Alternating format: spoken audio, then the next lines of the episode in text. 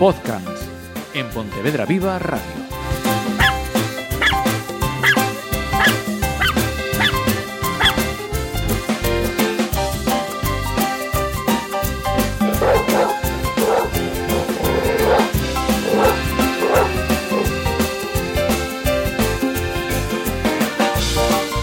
¿Qué tal? Bienvenidos todos a otra edición de podcast y bienvenidos además especialmente porque mm, Diego Álvarez, tenemos invitado. Correcto, estaba en modo vago y dije que se lo como a otro. Bueno, pues te toca hacer las presentaciones. Vale, pues eh, hoy tenemos con nosotros un, un compañero, eh, aunque se dedica a otro, otro tipo de, de animales, un compañero además desde el primer día, viéndolo trabajar yo a él y él a mí, eh, coincidimos mucho en la, en la forma de trabajo y, y la verdad que, que nos llevamos muy bien, la verdad. Eh, se llama Ángel, es el propietario, ¿no? De- Propietario, sí. Exactamente, de- del centro Lecoq en, de, de en Campañó. Y dije, bueno, pues mira, te vienes, te hago una entrevista, tú desarrollas y yo durante la entrevista pues me echo una siesta. Y así eso, descanso un poco. Y nada, eh, preséntate un poco, háblanos de, de- de tu formación, de cómo fue la evolución y, y el nacimiento de- de- del centro. Bueno, mm, mi formación, yo soy técnico en equitación de nivel 1. Me formé cuando hubo que legalizar, digamos, eh, la situación de los centros o de las personas que estaban trabajando en los centros. Inicialmente mm, nosotros empezamos con unas cuadras, con unos caballos, y fue la evolución y un poco la demanda, pues lo que nos llevó a, terminar con un centro, digamos, ecuestre, donde impartimos clases y tenemos caballos en pupilaje, entrenamos caballos, res- resolvemos resoluciones, o sea, resabios de caballos. No ¿Qué sé es, qué es eso? pues resolver las- los resabios eh, son los problemas que, que, se, que se generan cuando los caballos cogen unos malos hábitos, por un mal, mal manejo. Mm. ¿vale? Como si fuese el problema conductual en los perros. Correcto. Vale, vale. Eh, ¿Y qué fue lo que, mm, que te atrajo de, y además sirve para, para enganche de, de- de la gente, del tema de equino, para, para meterte ahí?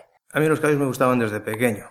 Yo iba a las fiestas y me subían los ponis, no me subían los, en los coches, ni de choque, ni me subían los ponis, me gustaba subir en los ponis, ¿no? Entonces puedo decir que me gustan desde pequeños. Yo lo que veo allí a, a la gente cuando llega, a los niños que le gusta, le gusta de verdad. Pues hay quien viene, pues porque, porque es una actividad más, pero cuando te gusta algo, te gusta. Si me preguntas para que te enganches al mundo del- de los caballos, pues no sabría decirte, porque realmente es- eso es algo que te viene de, te viene de dentro. O sea, no, que si te gusta, no, Sí, sí. no hay. ¿O te gustan o no te, o sea, O o- te- no, no los odias, pero o te gusta y te apasiona o, o si no, te vas a meter en esto? No te vas a meter en este tema, ¿no? Es decir, puedes hacerlo como una actividad, puedes hacerlo temporalmente, pero bueno, pero otra cosa es que te gusten los caballos. Sí, claro, bueno, es eso. Y en tu caso, pues eso, con lo mío con los perros, pues lo tuyo con los caballos, pasión y, Y nada más. y, y lo que veníamos comentando ahora, sales de tu trabajo y aún te tiras otras ocho o más horas allí metido, trabajando y disfrutando. O sea, que es normal. Eh, me llamó mucho la atención que hace, hace tiempo hablé con, con una chica y tal, y comentaban sobre el tema de lo de montar a los caballos. Si es natural, si no es natural, si el, el caballo está preparado para eso. A nivel, no sé si llamarlo biológico, físico, ¿es normal montar un caballo? ¿La hace mal, no la hace mal? Vamos a ver, montar un caballo, los caballos no sé si nacieron o no para ser montados, yo creo que no, ¿no? Ahora, los podemos montar, los podemos preparar para montar. Un caballo, yo no llego, cojo un caballo, mm, me subo en el caballo, tengo que analizar qué años tiene, qué entrenamiento tiene. Entonces, es un poco eh, saber qué es lo que tengo que hacer para poder montar el caballo. O sea, de por sí, para montar no han nacido. Pero bueno, nosotros los montamos y lo que hacemos es intentar entrenarlos para poder ser montados. Y bueno, que vendrá después y que todo sea de una forma, pues, eh, que no sea, que ya no te digo beneficiosa, pero que desde luego no sea perjudicial, lógicamente, para, para el, el caballo, lo que tú dices. No, no será lo mismo montar un, un caballo que tiene uno o dos años que un caballo que tiene, bueno, no sé cuánto dura un caballo, cuánto puede durar. Hay registros, eh, hay registros de, de caballos que han llegado hasta los 60 años, ¿no? Madre mía. Registros, hay registros. Un caballo actualmente, pues puede, puede durar, pues, entre 25 o 30 años, a lo mejor un poco más. Depende de la vida que tenga, ¿no? Si tiene una vida muy tranquila y con una alimentación equilibrada, pueden durar más. Si tiene una vida mm, deportiva estresante, pues pueden durar menos o suelen durar menos. Y bueno, Eso va a depender un poco de, de la vida que tenga el animal. Vale, Bueno, pues pasa con todo el tipo de ser vivo, lógicamente, Correcto. en ese sentido. Eh, una cosa que hablábamos muchas veces eh, aquí en, en los programas es eh, cómo aprenden los perros. Eh, los, ¿Cómo aprenden los caballos? Siempre se pone la comparativa de un perro, pues se parece a un niño de cuatro años. ¿Cómo, cómo aprenden y cómo- qué capacidad cognitiva tiene un caballo? Eh, los caballos aprenden por repeticiones. ¿Mm? Entonces, nosotros realizamos ejercicios. Yo con un potro de un año no puedo realizar los mismos ejercicios que con un potro de tres años, porque no está preparado mentalmente, ¿vale? Su nivel, digamos, eh, de estrés es mucho más bajo, entonces no lo puedo preparar. Lo único que voy a crear es un poco lo que hablábamos antes. Voy a crear defensas, ¿no? Que si no las sé controlar, defensas por parte del caballo, que si yo no las sé controlar, me van a generar un problema después. Entonces lo que tengo que hacer es, con el año no hago prácticamente nada. Lo paseo, salgo a pastar con él, lo cepillo, le cojo los pies, le cojo las manos. A partir de los dos años, pues bueno, hacemos alguna cosita más, pero todo muy progresivo. Cuando nos subimos al caballo, digamos, es un poco a partir del mm, tercer, entre tercer y cuarto año, ¿vale? Es cuando nos subimos al caballo. Antes de todo eso, tiene que tener un entrenamiento físico y un entrenamiento mental para poderme subir yo al caballo. Vale, entonces, yo durante esa temporada lo que voy haciendo es enseñarle ciertos ejercicios de flexibilidad, de relajación, para que él vaya poco a poco entendiendo, digamos, lo que son mm, parte de la doma. Porque yo para subirme él, él sí tiene que estar quieto, hay que cumplir con una serie de requisitos. Claro, claro, claro. Sí. Hay un proceso de entrenamiento y una tabla de entrenamiento, simplemente sí. hay que cumplirla. Sí, es digamos como una evidencia básica y luego ya le vas metiendo unas cosas ya a mayores y eso, el nivel de exigencia en función de, de, la, de la edad de- de- del, del animal. Eh, hablas un montón de veces, cosa que también tratamos aquí un montón, y me imagino que será fundamental, que es el, los niveles de estrés Sí. en, en los caballos. Sí. Eh, cuéntanos un poco, eh, evidentemente tienen que estar gestionados. ¿Cómo, ¿Cómo gestionáis? Yo, por ejemplo, lo tengo contado aquí, la mejor forma de que un perro que está con un problema conductual o una obediencia, que se relaje es tirar de olfato. ¿Cómo, cómo se relaja un caballo? Vamos a ver, el caballo se relaja, con una determinada postura, ¿no? Yo le enseño posturas para la relajación. Entonces, eh, a un caballo, el caballo se comunica a través del lenguaje corporal, ¿vale? Nos entendemos muy bien, ¿no? Es decir, con los caballos eh, te van dan- dando unos signos que tú tienes que entenderlos. Entonces, si yo veo que el ejercicio que estoy haciendo, él me está haciendo unos gestos que yo identifico como gestos de estrés, yo lo que hago es paro el ejercicio. Lo relajamos y damos otro paso. Damos otra vuelta y hasta que él se encuentre relajado no seguimos con el entrenamiento. O sea, yo no puedo obligarle, es decir, esto no es la letra con sangre entra, ¿no? Sino que él, y después va a determinar mucho la raza del caballo, el tipo del caballo, si tiene alguna lesión, si no tiene ninguna lesión, hay, hay varios factores, ¿no? Entonces, así es como es el proceso. Es decir, el estrés es fundamental para el entrenamiento de un caballo. O yo lo considero así. Sí, sí. Lo que es fundamental, digamos, es la relajación. Sí, sí, es decir, que no tenga estrés. Que eso, que, que sea capaz de gestionar el estrés y si en un momento dado nos pasamos, pues poder parar lo que hablábamos. parar, hablábamos, parar. Es decir, es mejor dar un paso atrás que dar un paso hacia adelante, porque el caballo, tú que entrenas a los perros, un perro pesa 10, 20, 30, 40, 50 kilos. Un caballo pesa 200, 300, 400, 700 kilos. Entonces, eh, después, si él es capaz de... Si tú le has enseñado a hacer un ejercicio y no se lo has enseñado a hacer bien, va a crear una defensa. Vale, y él aprovecha esos kilos muchas veces. Y entonces se sabe defender de una forma que tú no vas a saber solucionar. Por eso, muchas veces la gente que hace, bueno, pues cambio el caballo porque no me va bien, porque tengo este problema, porque no sé solucionarlo, lo cambio por otro, lo cogen, vuelto otra vez. ¿No? Entonces, por eso los entrenamientos Sí, sí. ahí tienen que ser, digamos, un poco... Cuando realmente, si te dedicas a esto, lo bonito es coger un caballo, digamos, que no va bien, entre comillas, y conseguir que vaya bien. Eso Esa es la eh, satisfacción. Eso es fantástico. Sí, Eso sí, eso es, sí. es- es- es como los perros, eso. Este perro quiere matar todo lo que se mueve, con lo que se mueve y ahora míralo paseando por el centro de Pontevedra. Eso es realmente, yo creo que de ahí parte, de ahí el buen entendimiento que tuvimos desde el Mm. principio tú y yo, de ahí parte realmente cuando demuestras tu pasión por, Mm. por, por lo que haces. No, no quieres algo que sea sencillito y tal, no, no. Mm, Si me apuras, me imagino que te pasará, cuanto más complicado, más me va a gustar el, el resultado final, más satisfactorio va, va a ser. Yo por- lo, lo veo así, vamos. Sí, sí.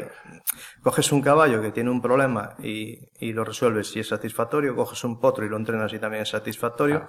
Es decir, todo es, para mí en este aspecto, Sí, todo, sí. todo es satisfactorio, ¿no? Otro tema muy, muy muy, vamos, que tratamos un montón en todos los, en los programas es el, el tema de la alimentación. Creo que a nivel, a nivel canino, el tema de lo de los piensos, desde mi punto de vista, es envenenar a, a, los perros. eh, en el caso de los caballos pasa lo mismo, es decir, hay, hay engañabobos de mm, le, podemos dar esto que así me es menos trabajo y tal, pero le estoy dando verdadera mierda, o, ¿cómo alimentáis, por ejemplo, vosotros a, Vamos a ver, los caballos tienen. La base de alimentación del caballo es la fibra. Eh, tienen que tomar mucho heno y después, pues, pulpa de remolacha salvado que tiene mucha fibra. ¿Por qué? Porque tiene un, un, aparato digestivo que no es igual que el de los perros. Tiene un intestino muy largo, el proceso uh -huh. de digestión es muy largo y entonces tiene que tener mucha fibra. El tema de los piensos es, en función del tipo de actividad que tú hagas, pues puedes usar un pienso u otro pienso, ¿no? Es decir, yo eh, en el club los caballos toman mm, lo que es hierba seca, uh -huh.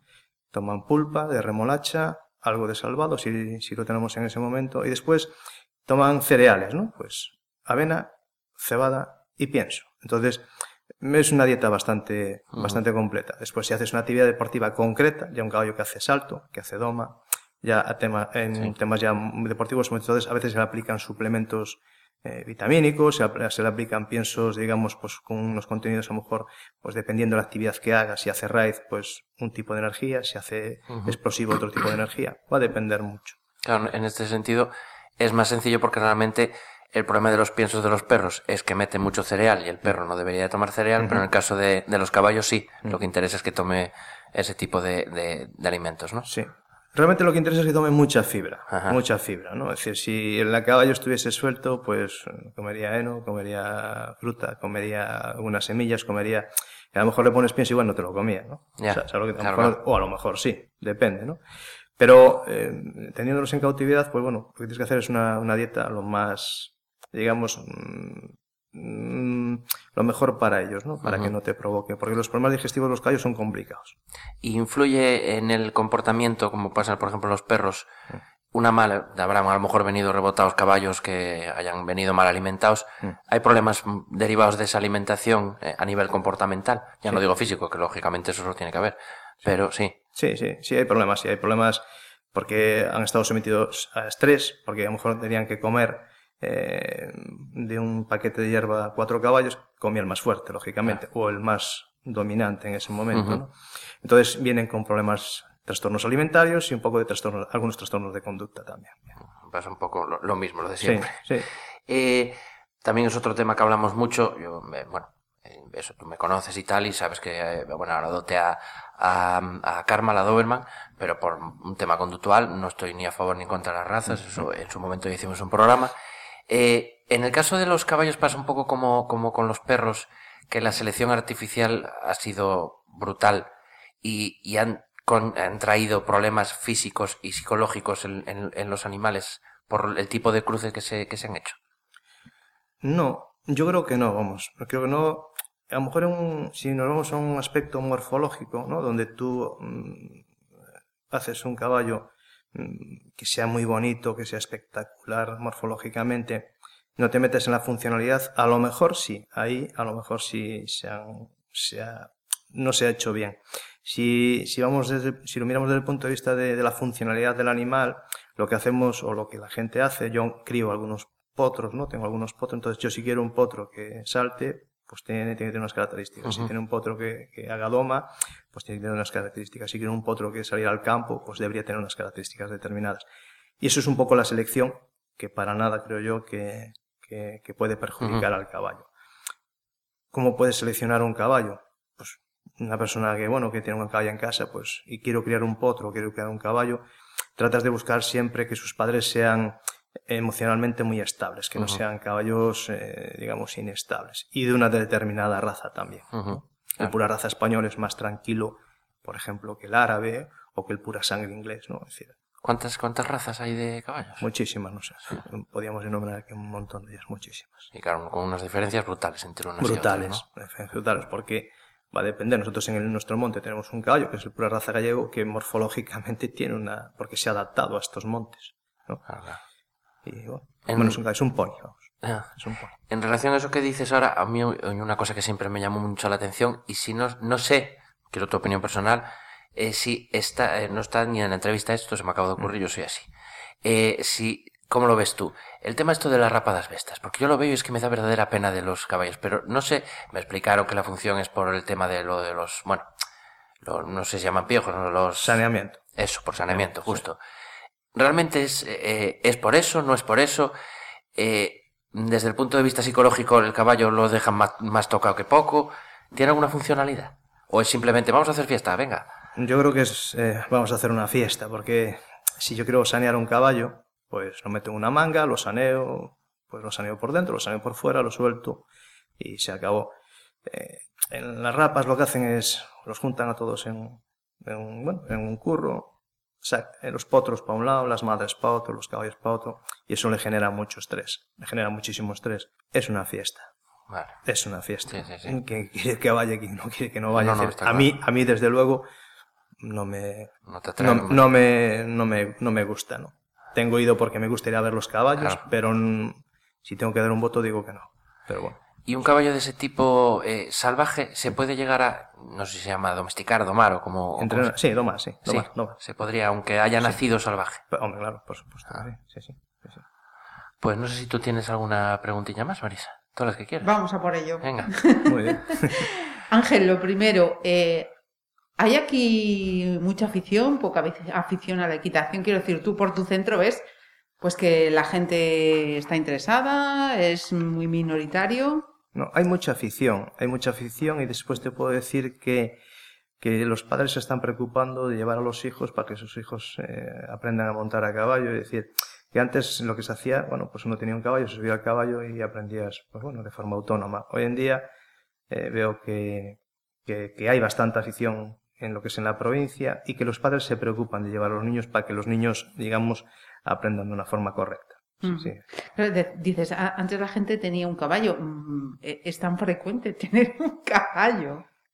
En, en el rural sí es frecuente. y Después hay parroquias que, bueno, pues yo te hablo de la parroquia de Campaño, donde, donde, yo, ujú. donde yo tengo el club, y allí pues hay mucha gente que tiene caballo. Y, y dice Campañó, pues te puedo decir Mourente, Lérez, Marco. Es decir, hay, hay gente con caballos. Gente con ¿Y, y por, qué, por qué entonces no, no trasciende? Porque puede ser mi desconocimiento, pero uno piensa en, en la equitación, en la doma, y, y se te va la cabeza al sur. Sí, eso realmente es un poco lo, lo- lo típico, ¿no? Los andaluces. Bueno, eh, ahí, digamos, está el pura raza español, donde, bueno, donde hay más, más tradición.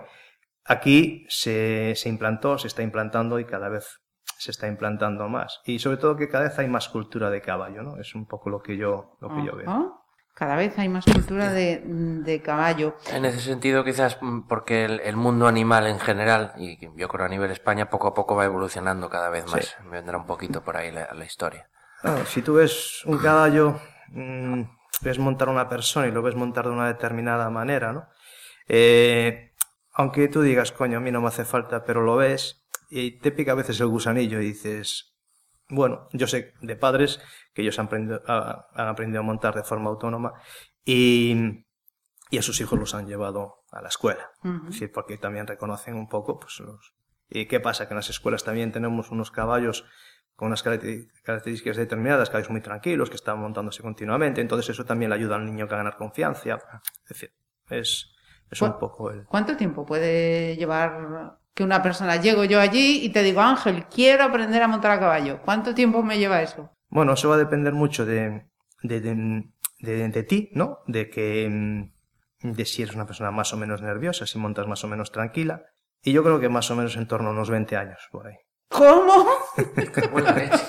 Más o menos. Si le digo yo a 20 los clientes que necesito 20 años para arreglar el problema de conducta del perro, me mandan a la mierda, pero vamos. No, tú me preguntaste cuándo lo necesitas para aprender a caballo. Ahora, si me dices, voy a subir un caballo y me voy a mantener en un caballo, voy a tener un poco de ritmo en un caballo, va a depender un poco de ti, por supuesto, o de la persona, ¿no? Si tiene más o menos ritmo o más o menos equilibrio, porque esto es una cuestión de dos, y pues en, no sé, en seis meses, un añito estás para, para, para andar por ahí. O sea, pero 20 años eh, hablas para estar en un nivel... Yo hablo para entender un poco, es decir, para sentir, para, para una serie de, de cosas que... Es decir, podemos pensar que sabemos, pero, Sí, sí, sí, pero sí. no... Acabas, perdón, Ángel, es que acabas de decir una cosa que me llama muchísimo la atención. Para sentir.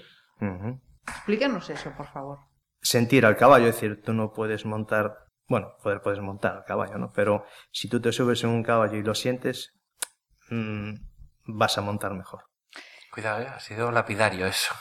Eh, y, es que, y lo hemos que, entendido. Que ella, que ella, quería preguntarle además, porque a mí además es una cuestión que me llama muchísimo la atención, lo de las terapias con caballos. Nosotros no hacemos terapia con caballo porque no sabemos hacer terapias con caballo, es decir, en, en, en los clinics o en los cursos, eh, para hacer una terapia, pues, por ejemplo, yo tengo visto montar a niños con parálisis cerebral, pues tiene que estar la persona que es la que lleva el caballo y después una persona especialista que es la que maneja al niño encima del caballo. Yo he visto hacer en alguna ocasión eh, ciertas actividades de estas y no había esa persona, ¿no? Entonces, para las terapias, yo ahí no te puedo contestar mucho porque tampoco estoy metido mucho en el mundo de, de las terapias con caballos. Pero que sí, está, está, que están ahí, es, es obvio, ahí, están, sí, ahí, están ahí. Y que son efectivas, hasta donde yo he leído y he visto. Sí, efectivas son, son efectivas, pero, pero tiene que haber un equipo en la terapia tiene que haber un equipo, no tiene que haber una persona que sube a un niño en un caballo, sube a una persona determinada en un caballo y lo monta en el caballo y Ajá. tiene que haber... Sí, eso, profesionales. Profesionales, ¿no? Estoy yo hablando hace poco con, con una fisioterapeuta, ella hizo algo, bueno, hizo equinoterapia y entonces, pues entonces ahí fue donde empezamos un poco a hablar del tema y, y, y bueno, me explicó una serie de cosas y bueno, pues ciertamente tienes toda la razón del mundo y a veces pues ves a la gente que está haciendo ciertas actividades que, que como es mejor que no las hiciera. Sí, sí. Pasa con los perros también. Llevan a, a, terapias perros. Ah, es un perro de terapia. El perro no sabe ni la llamada. El perro de repente mm, unos niveles de estrés brutales que lanza una dentellada. Pero bueno, como en todo, como es cuestión de pasta y de intrusionismo y de tal, hay verdaderas salvajadas, me imagino que tanto en lo, en lo tuyo como en lo Sí, nuestro. O sea, sí. es por desgracia es así. Sí que es cierto, yo en, mi momento hice estudios de, de, de intervenciones asistidas y terapias asistidas que sí que realmente funciona. O sea, eh, no lo sé con caballos, nunca he trabajado, pero sí que con perros ves unas cosas. Pero lo que dice Ángel, bien hecho. Hay gente que, que va de, estoy haciendo terapia asistida cuando realmente no. Lo que estás haciendo es simplemente una interacción humano-perro o humano-caballo, punto. Sí, claro. Porque es lo que él decía, tiene que haber un psicólogo, eh, todo tiene que ir bajo registro para ver una evolución, pero se entra en no, eh, con que cepille al, pel, al perro o al caballo, está haciendo psicomotricidad gruesa o fina y ya, no, no, no, esto no funciona así. Pero ahí depende, pues mira, eh, te, te honra Ángel el decir no sé, no hablo. No, no, es, No, que, no, la- es claro. que tú las expectativas, vamos a ver, tú imagínate, tienes un niño que tiene parálisis cerebral y lo llevas a un club, por poner un ejemplo. Las expectativas de sus padres siempre suelen ser, bueno, pues a ver qué pasa, si mejora, no sé qué y tal. tal. Ellos, por desconocimiento, lógicamente, salvo que entiendan del tema, pues van a creer que eso está bien hecho o que es lo correcto. Sí, claro, el especialista del caballo, el especialista del niño, el especialista psicólogo Psico- de... psicomotriz. Exactamente, hay, mucha gente implicada si está bien hecho. Efectivamente, lógicamente. está bien hecho. Tienes entonces eh, cuadra propia, ¿no? Por lo que Sí. estás diciendo. ¿De cuántos animales? Son, eh, tenemos 20 boxes. Eso, desde luego, no, no cuesta 25 euros al mes. No, tampoco cuesta mucho, ¿no? O sea, no cuesta 25, ¿no? Es decir, tener un caballo un pupilaje normal te cuesta sobre 250 euros.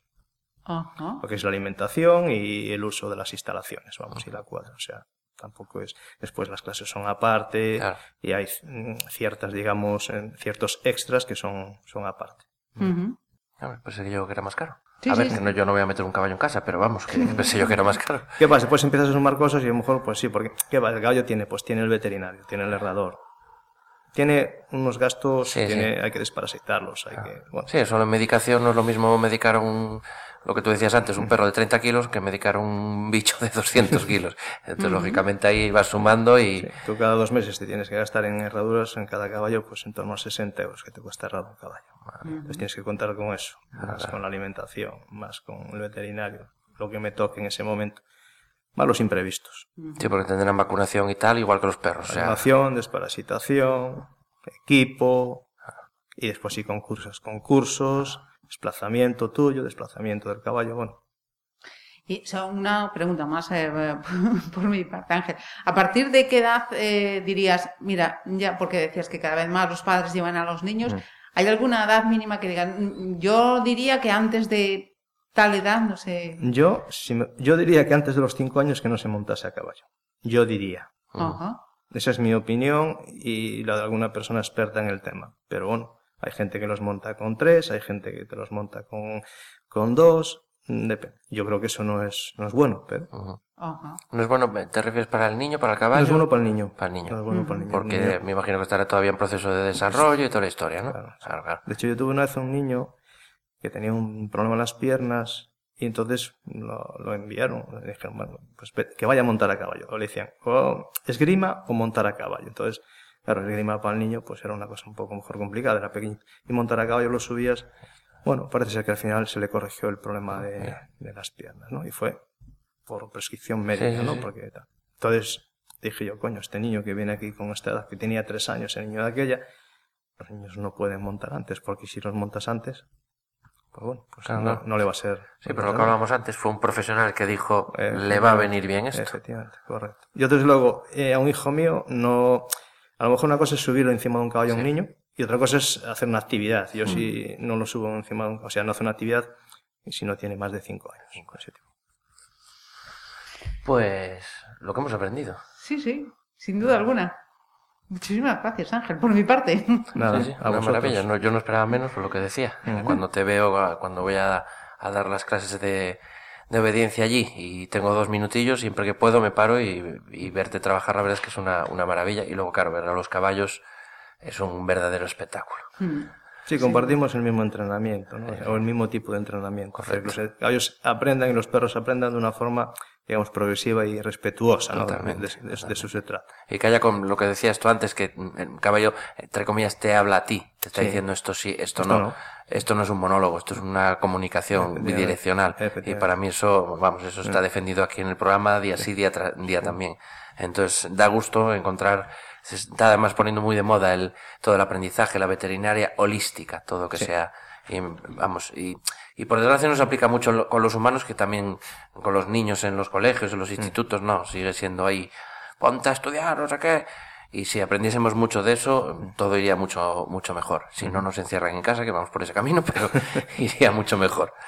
Bueno, Y en principio, pues nos quedan los, los clásicos. nada más. Clásicos. Pues Exactamente. venga, vamos a por los Eh, clásicos. como era de caballos, dije yo, frases de caballos, soy de romperme mucho la cabeza. Google, frases de caballos. Y me salió el señor Winston Churchill, que dice que es imposible desperdiciar una hora de vida si estás encima de la silla de montar. O sea, más claro, más claro para, en tu caso, agua. Igual que yo disfruto de esa hora con los perros, para ti me imagino que ir a montar será el momento que desconectas del día que dices, ya no hay nada. Eh, luego tenemos el, libro. Eh, es controvertido el libro, ¿eh? lo estoy leyendo todavía y uh, le llega de caray, hablamos antes de lo de las vacunas y todo esto. Eh, yo se lo recomiendo a profanos, se lo recomiendo a veterinarios, se lo recomiendo a todo el mundo porque las salvajadas que se están haciendo por culpa tanto de la, de la industria alimenticia como de la industria farmacéutica es tremendo. Y es el libro negro del veterinario. De, bueno, los nombres lo de siempre, porque tienen unos nombrecitos, Yuta Que lo, o- que lo lean. Exactamente, Que lo luego que lean. lo lean y ya está. Eh, y ya digo que, me- vamos, ya en su momento hicimos el programa con, con el libro de, de Verónica Vicente, de Naturzoo, de la alimentación, y no sé si acabaré haciendo también otro programa con esto porque es de órdago, o sea, el, el- todo es negocio, pero en, en determinadas cosas, en el, el tema de, de veterinaria, eh, los niveles de negocio que puede llegar a haber ahí, no digo de los veterinarios en sí, sino todo lo que hay detrás de industria farmacéutica, alimenticia, es tremendo, se te pone la, la piel de, de gallina.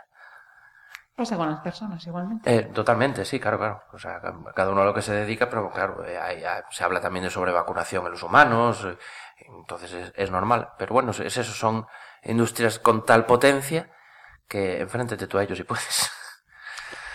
Pues nos toca la última presentación, ¿no? Exactamente. La adopción, bueno, recordar lo de siempre, el correo podcast.gmail.com para dudas, consultas, invitaciones a cena, lo que se tercie.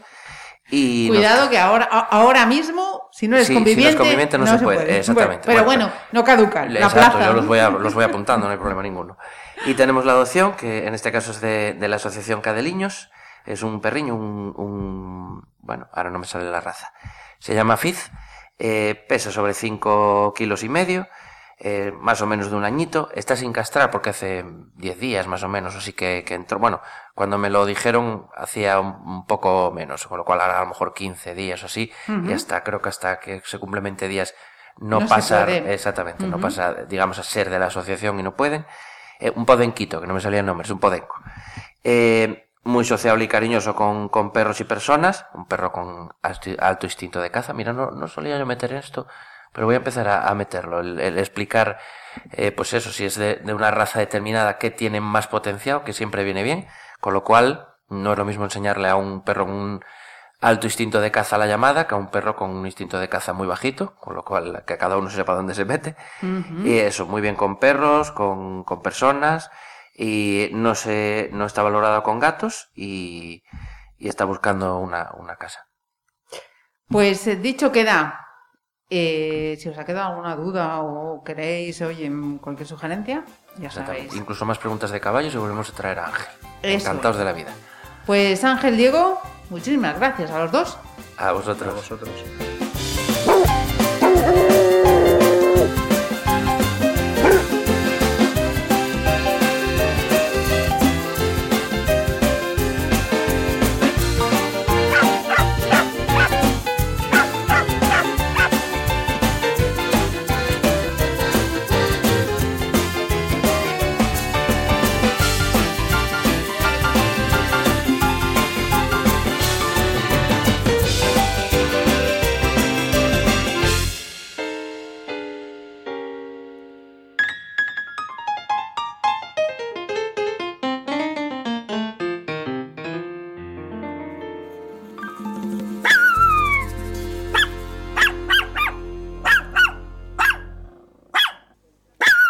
Podcans en Pontevedra Viva Radio.